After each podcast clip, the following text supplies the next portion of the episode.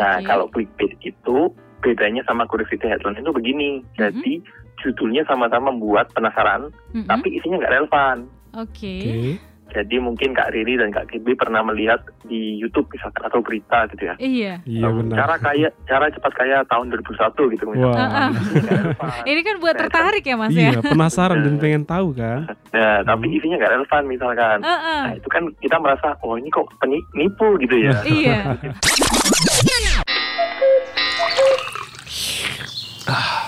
Ngopi yuk, ngobrolin profesi. Hai teman DL balik lagi di podcast Radio Del FM di Ngopi Yuk Ngobrolin Profesi Yuk bareng aku Riri Manulang Dan juga Kirby Jackson Simanjuntak Temandel. Wah, Ri, kita bakal ngobrol dengan siapa nih hari ini nih? Dan hari ini tuh kita Hmm. bakalan ngobrol sama seseorang tuh yang bisa menong- mendongkrak em, Penjualan penjualan online. kamu Wah. apalagi yang lagi jualan online nih. Hmm. Kan perlu banget tuh caption yang bagus untuk menarik orang beli ya kan? Oh iya, emang Nah, kamu Ri jual, mau jualan apa nih? Aku mau jualan baju sih. Oh, ntar aku beli. Cita-cita ya. Eh enggak deng, jualan makanan aja. Oh iya. Aku suka kuliner. Nah, jadi kalau misalnya nih kamu juga lagi jualan online, Hmm? nah bagus banget belajar copywriting ya.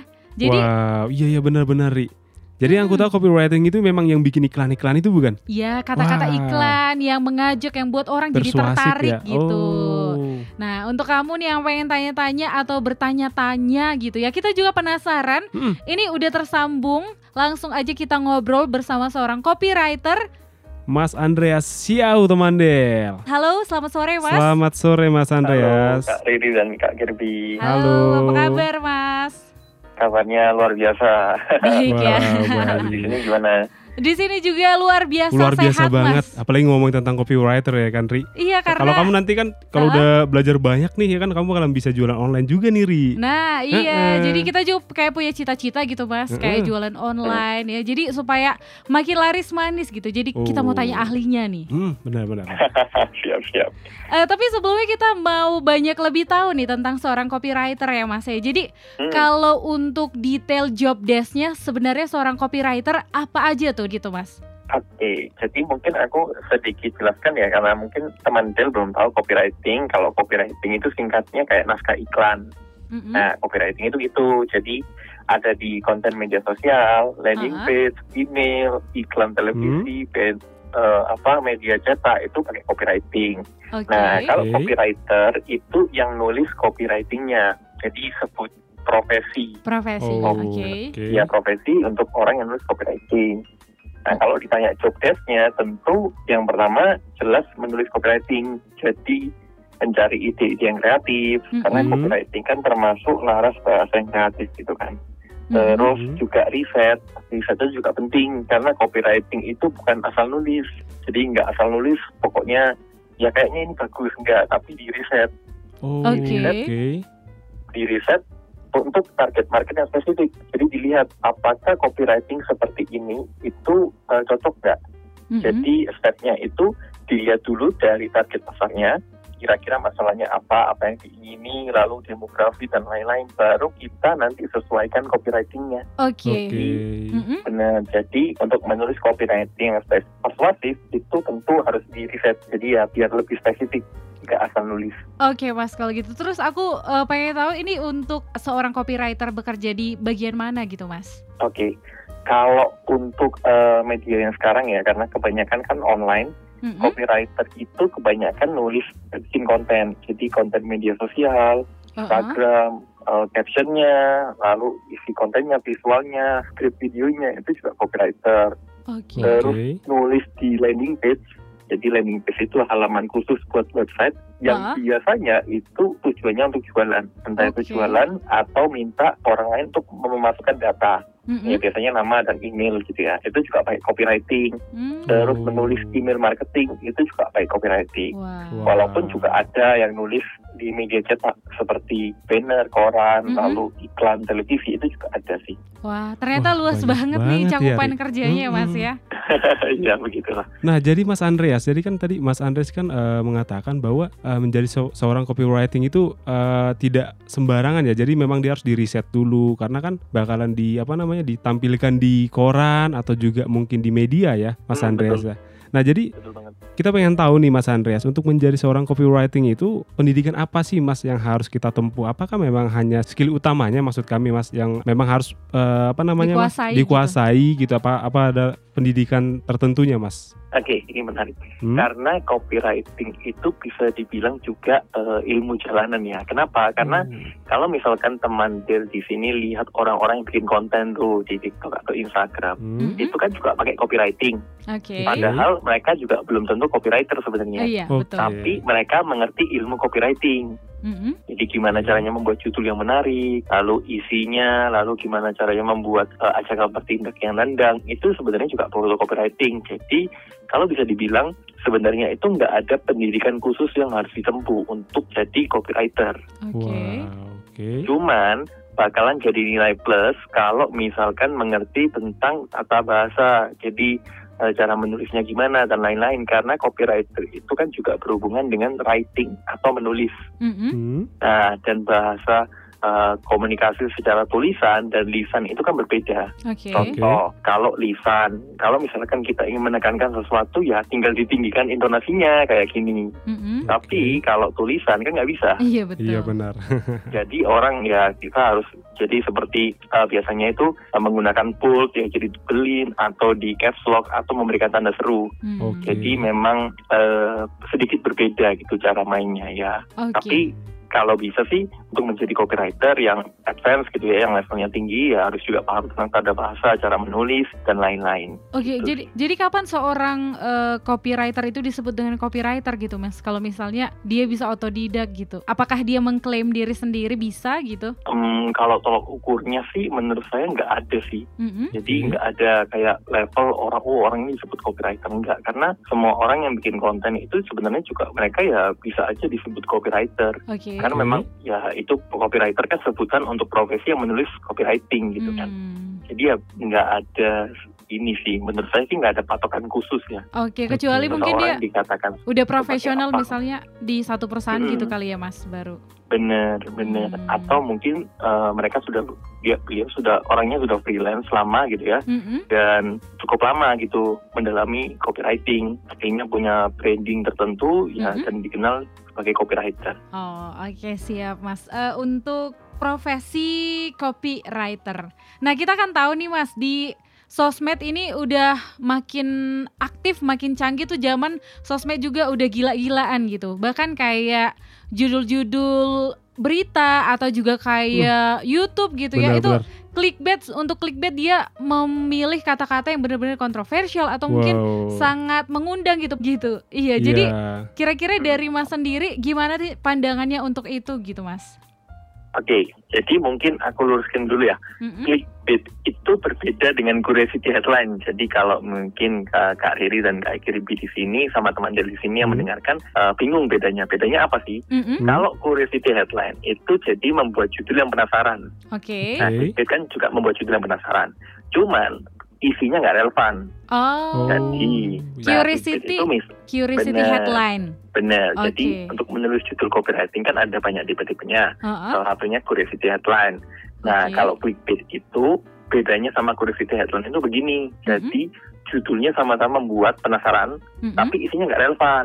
Oke. Oke. Jadi mungkin Kak Riri dan Kak Kibi pernah melihat di YouTube misalkan atau berita gitu ya. Iya. Iya Um, benar. Cara kaya, cara cepat kaya tahun 2001 gitu misalkan. Nggak relevan. Ini kan buat tertarik ya Mas Iya, ya? penasaran dan pengen tahu kan. Nah, tapi Hmm. isinya nggak relevan misalkan. Heeh. Nah, itu kan kita merasa, oh ini kok penipu gitu ya. Iya.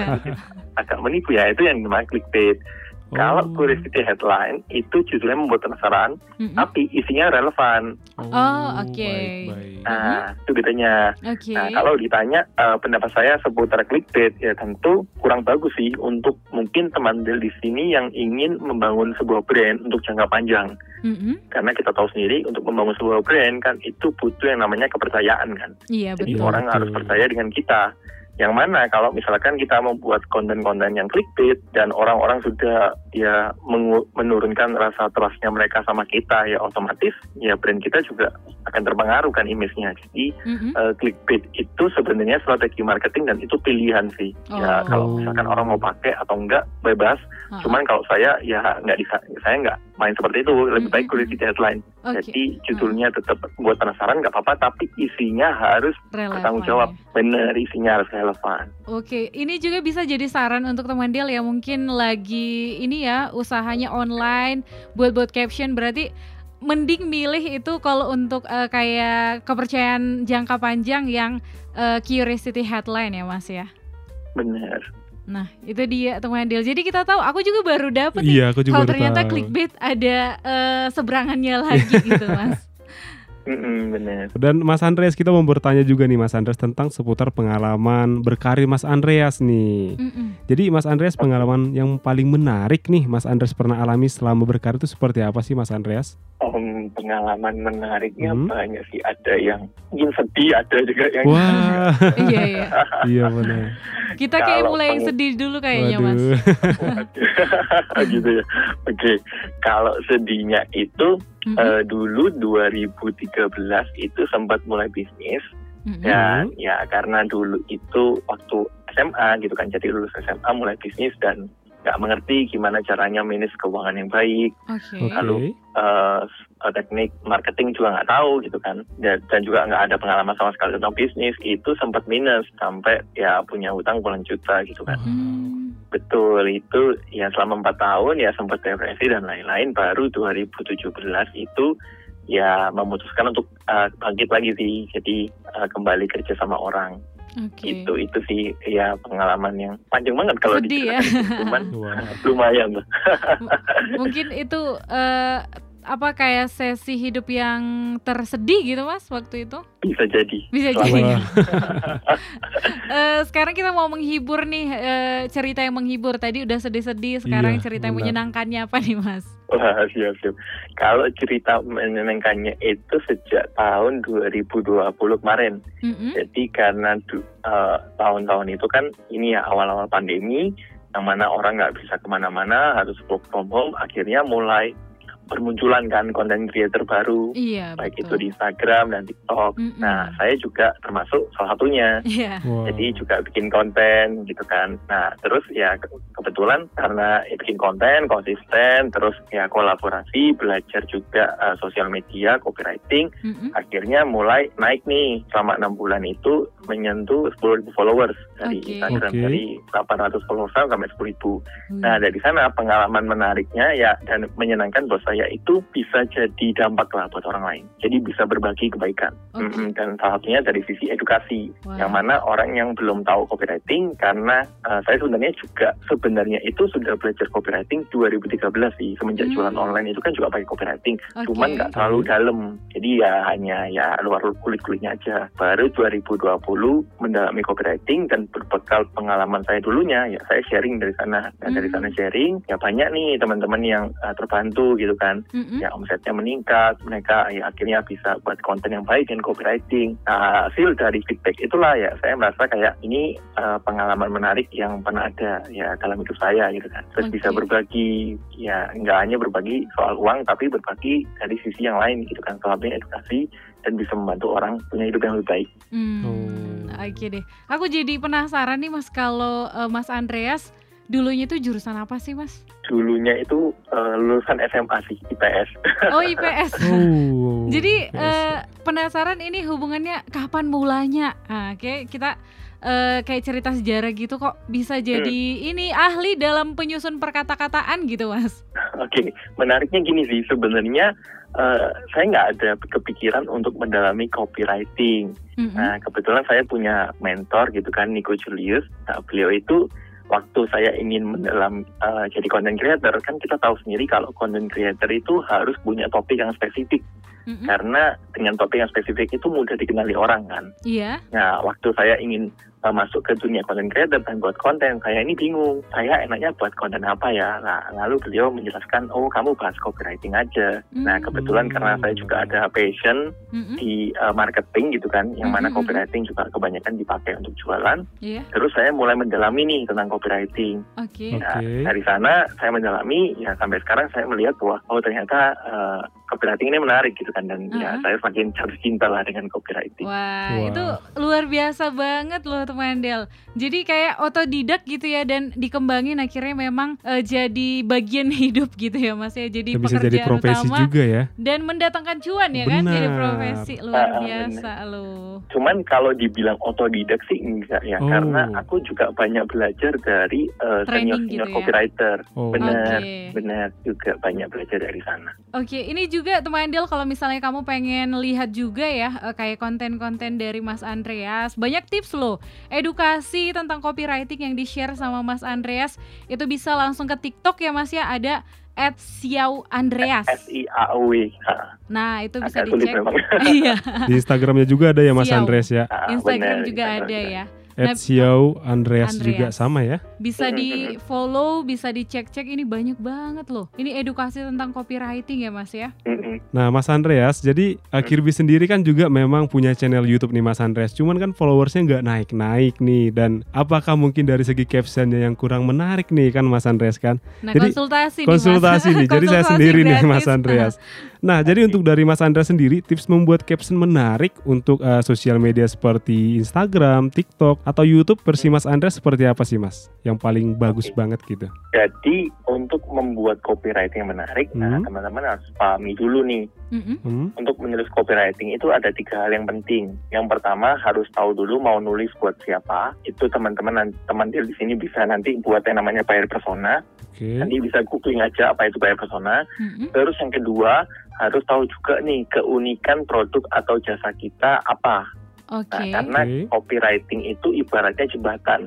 Jadi jembatan antara satu sisi, misalkan sisi yang kanan itu target pasar kita, Mm-mm. sisi yang kiri itu produk atau jasa kita. Nah, kalau kita ngomongin jualan itu kan gimana caranya kita mengomunikasikan produk atau jasa kita ke target pasar kita. Mm-mm. Oke. Nah, komunikasi kan ada dua, ya lisan ngobrol seperti ini Mhm. atau tulisan Iya. lewat eh, teks. Nah, lewat tulisan itu yang dinamakan copywriting. Oke. Lalu yang ketiga harus tahu dulu media menulisnya di mana. Karena beda media itu juga beda netizennya. Hmm. Jadi seperti TikTok dan Instagram itu dua hal yang berbeda. Yang mana Betul. TikTok itu lebih suka sesuatu yang receh gitu kan. Iya betul betul. Instagram itu lebih, Lebih serius bisa ya. benar-benar. Jadi beda netizen Iya. itu juga beda penerapannya. Mm-mm. Itu harus tahu dulu. Oke. Terus eh, teman-teman Bel di sini juga harus tahu anatomi copywriting. Jadi anatomi itu apa? Anatomi itu bagian-bagiannya. Mm-mm. Hmm? Jadi copywriting itu idealnya hanya terdiri dari tiga bagian. Ada yang namanya judul, ada yang namanya isi, dan ada Mhm. yang namanya ajakan bertindak. Oke. Yang mana judul itu harus menarik perhatian orang dalam 3 sampai 5 detik pertama. Mm-mm. Karena kalau teman Del di sini punya isi yang menarik, penawarannya menarik, tapi judulnya nggak menarik, ya otomatis orang nggak akan lihat penawaran kita kan. Jadi ya cuma Oke. dilewatin aja. Mm-mm. Jadi judul itu uh, wajib gitu kan. Terus isi isi itu menjelaskan apa yang uh, dijanjikan di judulnya. Mm-mm. Jadi kalau misalkan tadi judulnya uh, cara cara nulis copywriting tanpa pusing misalkan. Nah, Oke. itu pastikan isinya juga dijelaskan gimana caranya nulis copywriting tanpa pusing. Mm-mm. Karena kalau nggak relevan ya itu namanya clickbait gitu kan. Oke. Oke. Nah, terus actionnya itu action atau ajakan bertindak itu ya habis mereka baca copywriting kita itu mereka harus ngapain, mereka harus melakukan apa. Nah, Oke. dijelaskan di ajakan bertindaknya. Apakah itu klik link di bawah ini, Mm-mm. ataukah follow akun ini, atau apa pun. Namun pastikan teman dari sini jangan memberikan call to action yang terlalu banyak. Contohnya nih, uh, tujuannya itu untuk orang beli gitu kan. Call to actionnya klik link di bawah ini untuk info selengkapnya. Mm-mm. Terus ada tambahannya nih, jangan lupa like, comment, share, dan follow akun ini ya. Nah, orang kan bingung ya, wah banyak banget saya harus ngapain gitu. Oke. Jadi ya itu sih, itu hal penting untuk nulis copywriting. Oke, Mas, eh, kalau misalnya kita langsung ke contoh, bisa gak sih, Mas? Biar kita kasih satu Boleh, contoh boleh. gitu. Misalnya, eh, aku kepikiran kayak Radio Dolphin bakalan ada event. Ini Mhm. sumbang buku untuk eh, kayak grup baca yang ada di Toba ini. Jadi kita mau mempromosikan kegiatan itu. Kira-kira kalau dari sisi Mas, gimana cara untuk mempromosikan dengan kata-kata yang tepat dan persuasif gitu, Mas? Oke, sumbang buku untuk, Eh, Rumah baca kelompok ya? rumah Oh, baca, iya, rumah rumah baca di Toba. oke tujuannya apa? Tujuannya charity, Mas. Berbagi di perayaan Natal atau kayak momen Natal gitu, berbagi. Oh, ingin mengajak orang-orang untuk menyumbang buku. Iya, betul, Mas. Oke, eh, target pasarnya usia berapa? Eh, ini orang yang akan menyumbang bebas, Mas. Kenapa? Orang yang eh, diharapkan menyumbang bebas, mau eh, buku dari SD, SMP, SMA bebas disumbang. Oke, bisa seperti ini contohnya. Nah, judul itu kan banyak ya. Ada judul em, yang membuat penasaran gitu kan. Terus ada judul yang berupa kalimat pertanyaan dan lain-lain. Mm-mm. Nah, kalau saya misalkan eh, ini langsung eh, bayang-bayangan gitu ya. Ya. Misalkan seperti ini, 2021 mau berakhir nih, kamu sudah berbuat kebaikan nggak? Contohnya bisa seperti itu. Hmm. Nah, itu nanti bisa disambungkan. Kalau misalkan kalau berbuat kebaikan itu nggak perlu sesuatu yang mahal gitu kan. Kamu Hmm. bisa melakukan hal yang kecil, contohnya menyumbang buku. Hmm. Nah, itu baru, baru dijelaskan Oke. kampanyenya kampanyenya tentang apa. Oke. Lalu nanti diajak, dikasih ajakan berdinatnya, mereka harus ke mana untuk menyumbang bukunya. Oke. Itu juga bisa seperti itu. Berarti eh, itu dimulai dengan kata-kata akhir 2021 nih udah berbuat kebaikan apa? Misalnya kayak kayak gitu ya Mas yang misalnya mengundang mm, orang Benar-benar, mikir gitu jadinya. Jadi dimulai dari Bener. pertanyaan ya. benar. Oke, juga oke. bisa. Wah, Wah, luar tangan. biasa banget ya. Uh. thank you. Jadi itu contoh-contohnya tiba-tiba ya. ditodong. Iya. Jadi kayak challenge gitu ya Mas. Gak apa-apa. Tapi paling enggak kita jadi kayak terbuka juga Iya, kan. benar, jadi, benar, benar. jadi sekalian juga Mm-mm. membantu kita sih Mas. Sekali ya Iya, memang event beneran gitu ya. Oh, event bener, karena kan memang sebenarnya kan ini buat eh, kado Natal juga ya. Iya, ini Hmm. kebetulan ada rencana buat kado Natal gitu sih, Mas. Jadi kayak jadi pencerahan gitu buat kita nih untuk buat caption. Udah nantinya. dicatat belum, Ri? Oh, udah di, udah direkam dong. Oh. Oke deh Mas, makasih banyak. Ini terakhir pesannya buat teman Del yang lagi dengerin kita ya, mungkin lagi mencari jati diri atau juga mungkin lagi eh, Mencari mencari profesi, profesi, apa ya yang nanti mau benar-benar. kujalanin kayak gitu, Mas. Hmm, hmm. Oke, kalau menurut saya sih mulai dari 3P ya. 3P. Passion, profit, pengalaman. Oke. Jadi ya memang semua itu harus dimulai dari passion atau minat kita. Mhm. Jadi kalau kalau misalkan saya suka copywriting, Mhm. kamu eh, kamu juga belum tentu kalau misalkan kamu juga ikut copywriting juga ikut suka gitu kan. Jadi ya harus dikembalikan ke apa minat kamu masing-masing. Oke. Terus yang kedua coba dilihat apakah itu profitable, menguntungkan nggak untuk jangka panjang. Mm-mm. Apalagi buat teman-teman yang ingin mencari profesi untuk jangka panjang. Coba dilihat ke depannya, trennya gimana. Oke. Lalu yang ketiga dimulai dari pengalaman aja sih. Tapi kalau Hmm. pengalaman ini sebenarnya nggak harus ya, karena kalau misalkan teman jadi sini ingin berkarir kan tentunya belum punya pengalaman yang cukup banyak, jadi nggak masalah. Hmm. Tapi dua hal itu sih pesanku kan saat kita sudah menemukan uh, passion kita apa, Mm-mm. uh, terus apakah profesi tersebut profitable atau enggak, ya niscaya kita lebih mudah lah untuk berkarir ke depannya. Oke siap kalau gitu makasih banyak Mas Makasih Andreas. banyak Mas Andreas. banyak dari Dika gitu ya. Wow. sama-sama. Ya, terima kasih untuk eh, tips dan sarannya hari ini. Sehat-sehat terus ya Mas. Ya, thank you. Oke, terima kasih ya Mas. Terima Udah kasih ya Mas Andreas. Terima kasih. ya. Oke, sehat-sehat ya Mas. Yuk. Bye. Wah, teman Del, keren banget ya tadi Ria. Mm-mm. Kita udah belajar banyak. Wah, itu aku diajarin tahu. Tadi kan aku nanya gimana sih bikin apa namanya caption, yang Caption bagus ya. Nah gitu. itu dia Kirby Wah, jangan aku sampai juga tertarik nih, Ri. Mungkin Uh-uh. teman Del juga tertarik ya kan? pastinya, Mm-mm. apalagi di, di zaman canggih semua serba sosmed gitu ya. Benar-benar bisa tuh dimanfaatin harus, ya. Iya, harus Mm-mm. pinter buat copywriting juga atau eh, meskipun nggak jadi seorang copywriter tapi kita perlu ilmu copywriting nih. Wah, benar-benar siapa tahu kan cari cuan ya kan, Ri kan? cari cuan. Dan kalau kamu nih penasaran juga sama profesi Hmm. lain yang mau kita ajakin ngobrol, kamu bisa loh kasih tahu kita. Langsung aja teman Del di Norway kita di 081162199924. Dan kita ketemu lagi di minggu depan di podcast Radio Idol FM di segmen Ngopi Yuk Ngobrolin, Ngobrolin profesi you. Bye bye. Nyantai di sore hari emang paling pas buat ngopi. Ngobrolin profesi. Cuma di Danatoba Show.